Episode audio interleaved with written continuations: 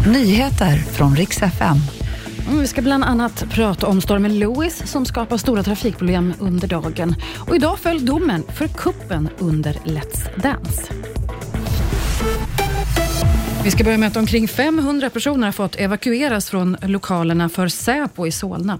Polisen misstänker att det här kan röra sig om en gasläcka och boende i området har också ombetts att stänga dörrar och fönster. Region Stockholm har gått upp i stabsläge och skickat ut sjukvårdsresurser.